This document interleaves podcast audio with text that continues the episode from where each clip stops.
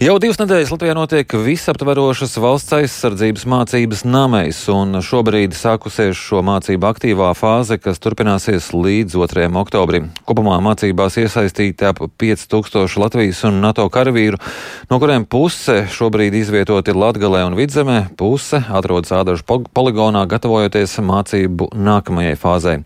Mācības notiek sadarbībā ar valsts policiju, robežsardzi un pašvaldībām. Viens no svarīgākajiem mācību mērķiem ir trenēt spēju ātri reaģēt jebkurā vietā Latvijā. Valsts austrumu pierobežā šobrīd atrodas arī Laura Ieviņa. Labdien, Laura! Jā, labdien, labdien klausītāji! Uh, jā, šobrīd es esmu atceļā jau uz mājām no Augstdaugavas novada uh, Skrudelienes pagasta, kur šodien man bija iespēja piedalīties uh, vienā no uh, mācību namējas uh, uzdevumiem. Uh, jāsaka, ka mm, Nacionālajie bruņoties spēki mācības rīko kaut kur 3 līdz 5 uh, gadā, bet ši, šīs namējas ir tādas uh, vienas no lielākajām un visaptverošākajām.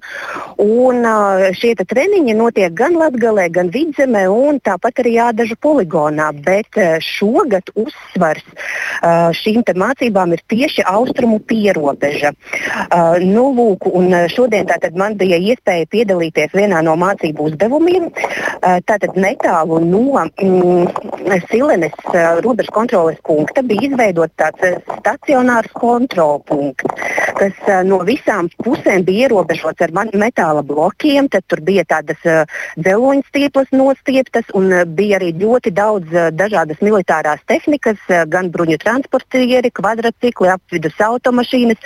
Tāpat arī turpat dežurēja arī karavīri, kuriem rokās bija ieroči. Un šīs mācības tieši šajā kontrolpunktā notika mm, sadarbībā ar valsts policijas un robežsardzes pārstāvjiem. Un valsts Eh, policija man teica, ka viņiem tā vispār ir tāda ļoti unikāla iespēja eh, un eh, tā, tādas sadarbības mācības reāli dabā viņiem notiekot sadarbībā ar bruņotajiem spēkiem pirmo reizi. Viņi arī reāli dabā pārbaudīja automašīnas, pārbaudīja, vai netiek pārvadāti nelegāli imigranti, tāpat skatījās, vai, vai nav narkotikās vielas, akcijas preces. Jā, un bija pēc tam arī izveidots tāds mobilais kontrolpunkts punkts nedaudz tālāk no Silenes uz Daugopils pusi. Viņi kā, uh, trenēja šo spēju zibenīgi izveidot šādu kontrolpunktu un uh, veikt autotransporta pārbaudi nu, kā, tur, kur tas ir nepieciešams, ja kādreiz dzīvē tāda situācija būs uh, vajadzīga. Jā, šīs visas situācijas, ko viņi trenē arī turpmāk, tas ir tādas iestudētas, plānotas situācijas.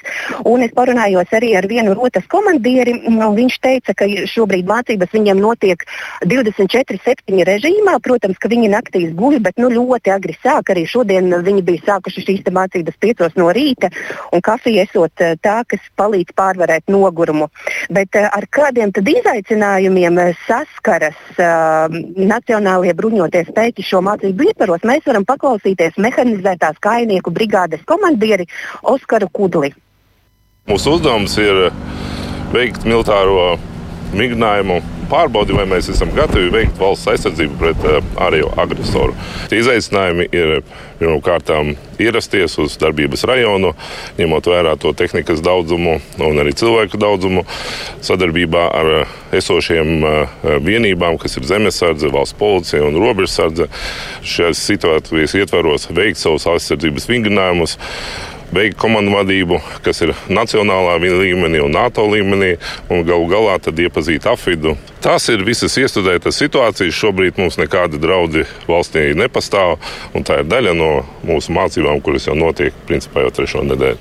Laura, valdība šodien atbalstīja Silenes robežu kontrolas punkta slēgšanu. Vai un kā tas ietekmē šīs mācības un vietējos iedzīvotājus? Nu, jā, šodien mācības tas neietekmēja, jo robežu kontroles punkts, kā bija manāms, joprojām darbojās.